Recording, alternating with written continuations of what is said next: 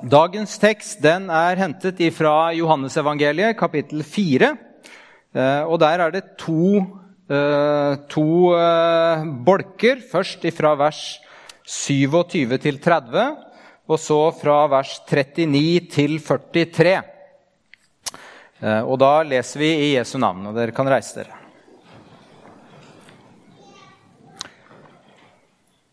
I det samme kom disiplene hans og de undret seg over at han snakket med en kvinne. Men ingen av dem spurte, han, spurte hva han ville, eller hvorfor han snakket med henne. Kvinnen lot nå vannkrukken sin stå og gikk inn til byen og sa til folk.: Kom og se en mann som har fortalt meg alt det jeg har gjort. Han skulle vel ikke være Messias? Da dro de ut av byen og kom til ham. Mange av samaritanerne fra denne byen kom til tro på Jesus pga. kvinnens ord da hun vitnet. 'Han har fortalt meg alt det jeg har gjort.'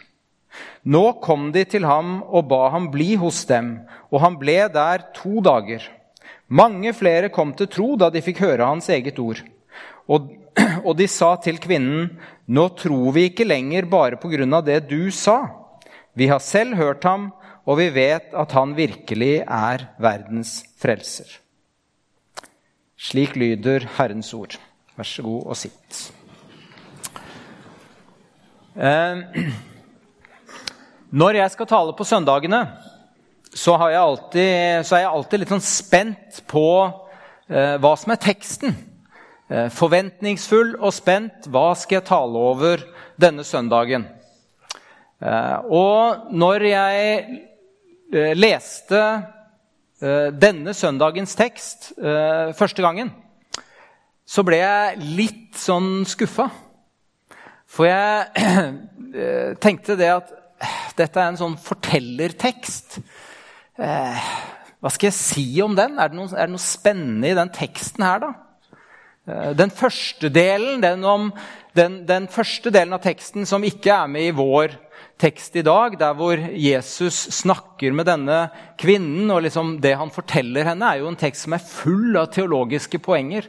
og Sånn sett en kjempespennende tekst. Eh, mens denne teksten er litt mer en sånn fortellertekst. Eh, men etter hvert som jeg begynte å jobbe mer med teksten og tenke og, og forberede meg, så vokste denne teksten på meg. Eh, og jeg syns det er en, en flott tekst. Ehm, og en av grunnene til det er kanskje at jeg har tenkt en del på eh, dette begrepet skam i det siste. Eh, og jobbet med begrepet skam. Eh, I vår historie og i vår kultur så er det, så er det mange som har tenkt det. At bare vi liksom fjerner alle tabuene, alt det folk skammer seg for, bare vi sier at det er ingenting å skamme seg for, alt er greit, eh, så forsvinner skammen. Og Mange har, har, tenkt det at det er først og fremst kirker og bedehus og våre holdninger eh, som påfører mennesker skam, eller har påført mennesker skam eh, opp igjennom i historien. Og, og, det er sikkert riktig at mange ganger så har vi hatt ukloke holdninger og ukloke ord i møte med mennesker som har påført de skam. Eh, men hva så i dag, hvor, hvor, hvor, hvor kirke og bedehus eh, mister sin innflytelse i samfunnet? Da skulle vi kanskje tro at nå har vi ikke noe å skamme oss over lenger. Nå som liksom alle tabuer er fjernet, da, da, da forsvinner vel skammen fra, fra samfunnet vårt. Og så er det altså mange forskere som sier det at Norge er i ferd med å bli en ny type skamkultur. Eh, vi har vært en, en skyldkultur der hvor, man, eh, der, der hvor man i utgangspunktet har tenkt at den enkelte individet står til ansvar for Gud eller for noe større enn oss selv. Eh, og, og løsningen på våre på våre feil er på sett og vis å be om, om tilgivelse eller og, og et oppgjør. Eh, mens i dag så er vi i ferd med å bevege oss inn i eh, en, en skamkultur. Der vi skammer oss ovenfor våre omgivelser, ovenfor hverandre, ovenfor andre. Så skammen har slett ikke blitt borte. Vi skammer oss mer enn noen gang. Eh, og det ble jo ikke minst understreket ved denne populære ungdomsserien som gikk på, på TV. Eller fordi ja, Det er oss gamlinger som ser på TV, da, men uh, sikkert på Netflix eller et eller annet. Uh, Skam, uh, som jo var en veldig populær ungdomsserie, og som tematiserte på sett og vis ulike perspektiver som ungdom følte skam over.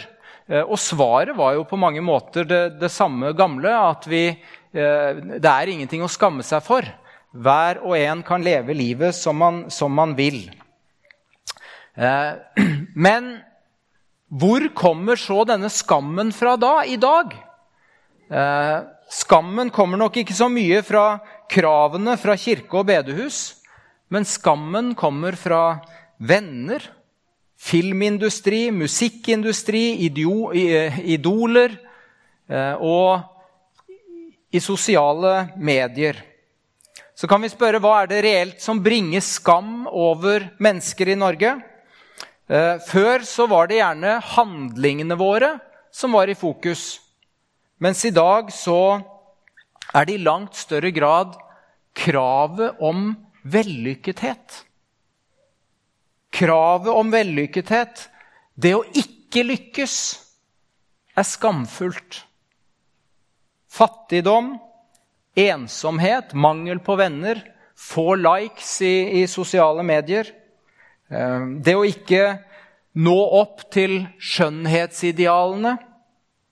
Psykisk sykdom. Bli utsatt for seksuelle overgrep. Alkoholisme, vold i nære relasjoner. Det å ikke takle hverdagens krav til skole, jobb osv.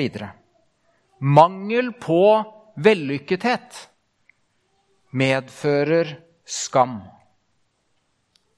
Og så vet vi altså at i Norge i dag så vil mellom 30 og 50% av befolkningen oppleve en psykisk lidelse i løpet av livet. Trolig så blir omkring 10% av alle kvinner i Norge utsatt for seksuelle overgrep, voldtekter. De fleste opplever at det er en bekjent eh, i alkoholpåvirket tilstand før jentene blir 18 år gamle. Og disse skammer seg. De påføres skam. Vi har et samfunn hvor mennesker mer enn noen gang før påføres lidelse og skam. Omkring 550 mennesker i Norge tar livet sitt hvert år det er omkring fire ganger så mange som dør i trafikken. De orker ikke livet. Og til og med det påfører uh, omgivelsene og de som står igjen, skam. De etterlatte. Denne kvinnen vi møter i dagens tekst, hun kjente på skam. Uh, hun kommer alene midt på dagen for å, eh, for å hente vann. En lang vandring midt i solsteiken når ingen andre er til stede. Eh, hun bærer på et dårlig rykte, eh, og de andre hadde støtt henne fra seg. Og hun valgte ensomheten. Jeg har sett mange ganger i Etiopia disse flokkene med kvinner som går for å hente vann et eller annet sted. Og det er jo ganske tøft og tungt arbeid. Jeg har prøvd å løfte på disse store jerrykannene de bærer på av og til, og de er ganske tunge. Eh, men selv om det er tungt arbeid, så kan du se at de, de, de, eh, i arbeidet så, så, så, gleder de seg sammen. Det er gjerne en flokk fra en landsby som går sammen, og de ler og snakker og har det sosialt og fint sammen. Og det på en måte tar bort noe av byrden ved arbeidet. Men denne kvinnen, hun valgte å gå alene. Hun følte seg utenfor. Hun hørte ikke til i det fellesskapet, det sosiale fellesskapet. Kanskje opplevde hun ukvemsord. Kanskje møtte hun bare stillhet og avstand fra de andre.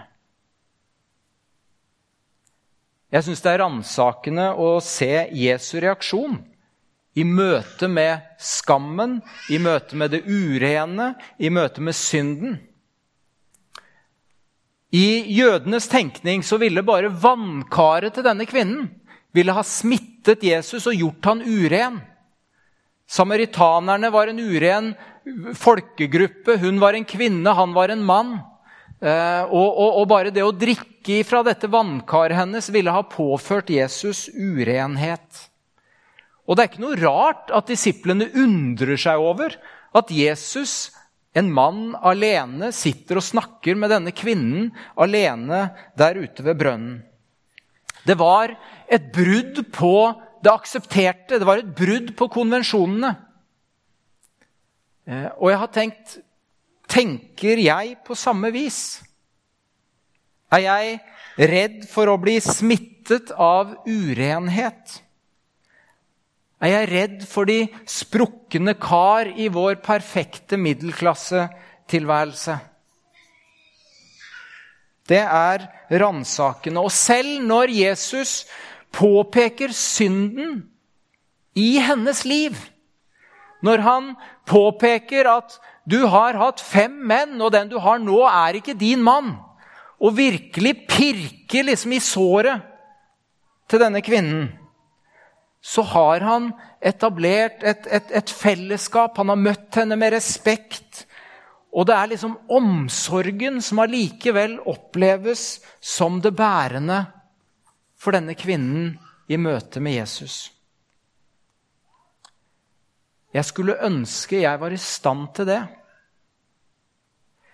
Jeg skulle ønske at jeg var i stand til å tale om synden på en sånn måte at den var gjennomsyret av omsorg og kjærlighet for det mennesket som rammes, eller som jeg snakker med. Jeg skulle ønske at det mennesket kunne forstå eh, at jeg taler om synden fordi jeg tror at det ikke finnes noen bedre måte å leve på. At jeg ikke tror det finnes noe bedre for hver enkelt en av oss enn å følge Guds vilje med livene våre. Jeg skulle ønske at vi kunne sørge med de som valgte annerledes, og at vi kunne gråte med de som ikke fikk det til. At våre fellesskap kunne være mennesker og fellesskap som oser av omsorg i møte med ekteskap som går i stykker, i møte med de som tar valg som vi ikke gleder oss over, eller som på ulike vis bærer skam. Det naturlige skulle være at de skulle løpe til fellesskapene våre. Og ikke løpe fra fellesskapene våre når det går galt. Denne kvinnen hun ble møtt på en sånn måte at selv om Jesus peker på synden i livet hennes, som hun skammer seg så voldsomt over, så er det ikke et alternativ for henne å gå sin vei. Det er det motsatte som skjer. Jesu omsorg og Jesu ord fører til frelse. Og så er det en utvikling i erkjennelsen av hvem Jesus er i denne samtalen. Først så tenker hun at han er en tilfeldig mann på vandring. Så begynner hun å undres på om han er en profet. Og så begynner det å gå opp for henne eh, at han er Messias. Det skjer altså noe sammen med Jesus. Det skjer noe når vi bruker tid sammen med Jesus. Og resultatet for denne kvinnen det er at entusiasmen overgår skammen. Hun berøres på en slik måte at hun ikke lenger styrer unna folkemengden, at hun ikke lenger går unna og går for seg selv, men oppsøker dem og forteller. Jeg skammer meg ikke over evangeliet, for det er Guds kraft til frelse, sier Paulus. Jeg skulle ønske at jeg kunne bekjenne det på samme måte som Paulus. Jeg skulle ønske at entusiasmen og gleden over evangeliet gjorde at jeg villig delte min tro uten noen form for skam. Vi har nylig hørt om, om, om, denne undersøkelsen som laget gjorde, om at studenter, unge studenter synes det er vanskelig å bekjenne og vitne om troen sin. Vet du, Jeg syns ikke det er noe rart i det hele tatt. En Gud som vinner seier gjennom eh, lidelse, dom og død, fremstår ikke nødvendigvis som en opplagt sannhet for våre omgivelser. Det er ingenting som kan gi meg større glede enn evangeliet. Det er ingenting som kan berøre meg mer enn evangeliet. Når jeg av og til får et glimt av hva det betyr at himmelens og jordens skaper ofrer alt for min skyld. Når jeg tar meg tid til å tenke på og kjenne på at Gud ikke regner med synden min, at Gud har skapt et rom der hvor synden min ikke teller og ikke finnes. At den allmektige Gud vil ha med meg å gjøre. Ja, da er det ingenting som kan gi meg større glede enn evangeliet.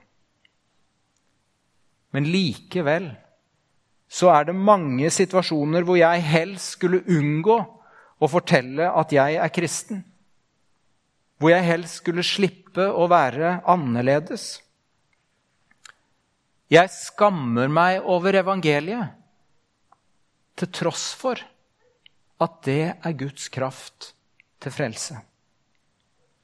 Og jeg skammer meg over at jeg skammer meg over evangeliet. For det burde ikke være sånn med meg. Heldigvis så har jeg en Gud som vil tilgi også det. Heldigvis har vi en Gud som viser nåde til oss som skammer oss. Denne kvinnen hun hadde så mye annet som hun skammet seg over. Men hun skammet seg ikke over Jesus. Jeg har møtt en mann som har sagt meg alt det jeg har gjort, sier hun. Det er litt av et vitnesbyrd, hva? Jeg har møtt en mann som vet om alle syndene mine, og som har fortalt meg om alle syndene mine. Han skulle vel ikke være Messias. Så denne kvinnen hun gikk fra skam til frelse til frimodighet og et frimodig vitnesbyrd. Det var det første punktet i talen min. De andre punktene er ikke så lange, så det, jeg skal ikke holde på hele ettermiddagen.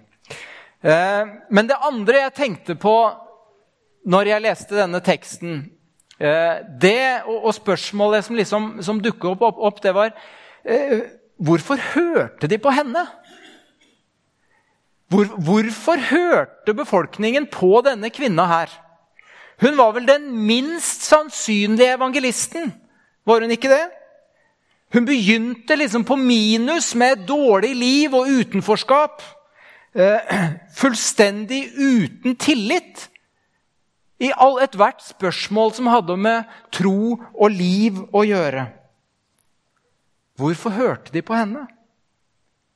Kanskje var det nettopp ærligheten, det at det var så usannsynlig at hun plutselig skulle oppsøke fellesskapet med et sånt budskap. Kanskje var det ikke minst det. Det var ikke noe innlært. det var ikke, De opplevde seg ikke som evangeliseringsobjekter. som vi ofte kan komme i fare for å behandle mennesker som evangeliseringsobjekter. Men det var en, eh, en, en opplevelse, det var en glede hun hadde eh, opplevd, og som hun spontant måtte dele. Og så opplevde naboene at dette var ekte. Det boblet liksom over hos henne. Det var noe ekte i det her. Kanskje er det noe vi mangler i dag. Det fremstår så fort som en konkurranse mellom ulike livssyn når vi skal avlegge et vitnesbyrd. At vi liksom har behov for å overbevise andre om at 'jeg har rett', at min tro er bedre enn en din. Og så er det vanskelig liksom å vise omsorg for lytteren. Hvem har best argumenter? Hvem er den beste retorikeren? Og misforstå meg rett, jeg mener at trosforsvar og apologitikk er kjempeviktig, og det har absolutt sin plass. Men denne kvinnen her, hun hadde dårlige argumenter. Hun var den minst sannsynlige evangelisten, og hun var helt sikkert ingen god retoriker. Men Jesus hadde berørt henne. Og dersom naboene hadde utfordra henne med vanskelige teologiske spørsmål hvordan, hvordan, kan dette henge sammen? Hvordan henger dette sammen med profetiene i Mosebøkene? Hva, hva, hva tror du om det? Ja, da hadde hun helt sikkert sagt 'Jeg har ikke peiling. Jeg vet ikke.' Vet ikke forteller bare om det jeg har sett og opplevd. Og naboene skjønte at hun hadde opplevd noe helt spesielt. Og det måtte de finne ut mer av. Det ville de også få oppleve. De lyttet på grunn av og på tross av hvem hun var.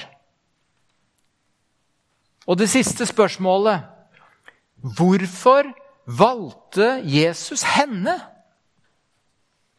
Ja, Det er jo et naturlig spørsmål for oss å spørre i vår tankegang og i vår verden. Hvorfor valgte Jesus denne kvinna her? Men hvorfor skulle han ikke bruke henne? Hvorfor skulle han ikke bruke denne kvinnen? Det som er lavt, det som i verdens øyne står lavt, det som blir foraktet, det som ikke er noe, det utvalgte Gud, sier Paulus i 1. Korinterbrev. Gud trenger oss alle sammen, men han trenger strengt tatt ikke de fantastiske egenskapene våre. Guds rike vokser ikke gjennom vår visdom eller vår evne til å overtale eller argumentere. Guds rike vokser når Gud får bruke oss og de gavene han selv har gitt oss. Det er ingen av oss Gud ikke har bruk for. Gud bruker også de minst sannsynlige. De innadvendte, de usikre, de arbeidsledige, de som kjenner på skam, de som sliter med fysisk eller psykisk sykdom. Ja, hvorfor skulle ikke Gud ha bruk for disse? For Guds rike vokser ikke på grunn av menneskelig visdom eller overtalende ord, sier Paulus. Og til syvende og sist hvem av oss havner ikke i kategorien de minst sannsynlige? Det er ingen av oss som er sannsynlige mottakere av Guds nåde eller sannsynlige vitner om Jesus. Gud selv valgte vanæren og skammen fremfor æren. Gud seiret over synd og dom og død gjennom skam og vanære. Guds rike vokser på grunn av Guds kraft. Neste morgen sendte Gud en mark, står det i Jonaboka. Det kan du tenke på når du skal legge deg i kveld. Neste morgen sendte Gud en mark. Når jeg har lest denne fortellingen, så kommer jeg til å tenke på en kar som heter Dido. som kommer fra Dibedamma utenfor Negelli i, i Sør-Etiopia. Eh, og Dido han var blant de minst sannsynlige evangelistene. Han var eh, hagegutt for de første misjonærene på 50-tallet i Negelli. Eh, og han var wata. Det betyr at han var liksom på laveste, laveste trinn i samfunnet. De som ingen ville gifte bort kvinnene sine til, døtrene sine til. Men Dido, han hørte om Jesus, og Dido ble grepet av evangeliet. Og så begynte han i landsbyen sin så begynte han å fortelle. Og så var det en liten gruppe med ungdommer som ble grepet av det Dido fortalte, og som tok imot Jesus, tok imot evangeliet og ville leve livet sitt sammen med Jesus. Og så bestemte denne gruppen med ungdommer at nå skal vi bygge kirke. Eh, så fant de en ledig tomt eh, midt nede i landsbyen der, i Dibedamma, og så begynte de å bygge en kirke. Og En dag så kom eldstene og de voksne i landsbyen, og så rev de denne kirken til grunnen. Rev ned alt sammen eh, og sa at vi er Borana-folk. Vi tilhører den gamle Borana-tradisjonen, Borana-religionen. Det er ikke plass for Jesus her i vårt samfunn, i vår kultur. Men Dido og ungdommene de var entusiastiske. De, de tok kontakt med misjonærene og, og, og, og, ba om hjelp til å bygge en ny kirke. Og Misjonærene satte i gang en innsamlingsaksjon og skaffet korkoro, eh, bølgeblikk. Og det er store saker når du får et hus med bølgeblikk. Da er det, da er det skikkelig hus. Eh, og de begynte å bygge den nye bølgeblikkirken sin. Eh, og En dag mens de drev og bygde, så kom det en gjeng med voksne mannfolk med kalasjnikovene sine. Og så rev de denne nye kirken til grunnen og nektet og sa at her skal det ikke være gudshus for noen andre eller for noen utover den tradisjonelle religionen. Så tenkte Dido ja, hva gjør vi da? Ja, nå har jo jeg et hus her oppe i åssida, og der har jo jeg en hage. Der hvor jeg har dyrene mine og forskjellig. Da bygger vi kirken i hagen min, for der kan ingen nekte meg å bygge min egen kirke. Når vi kom til Negelli på begynnelsen av 2000-tallet, så var den første kirken jeg besøkte, det var kirken til Dido. Der oppe i åssiden utenfor Dibbadamma. Og kirken var sprengfull av folk. Og de hadde bygd på en gang til fordi det ikke var plass. Eh, og i 2004-2005 så ble det bestemt at nå må vi bygge ny kirke i Dibadamma. Fordi er, den er for liten, det er ikke plass lenger til denne kirken oppe i landsbyen eller oppe i, oppe i hagen til Dido. Eh, og i dag, hvis du kommer til Dibadamma, så kan du kjøre gjennom hovedveien som liksom går igjennom landsbyen, eller gjennom, eh, ja, gjennom landsbyen der. Og helt inne ved veien, åpent, synlig for alle, så ligger det en svær kirke med et stort kors på. For når Dido og de andre skulle bygge kirke eh, på midten av 2000-tallet, da var alle eldstene i Dibba Damma blitt kristne. Eh, og de kunne velge den beste tomta i byen som et vitnesbyrd for alle som kjørte forbi. At her i Dibadama, her tror vi på Jesus. Det minst sannsynlige evangelisten fra skam til frelse til frimodighet. Amen.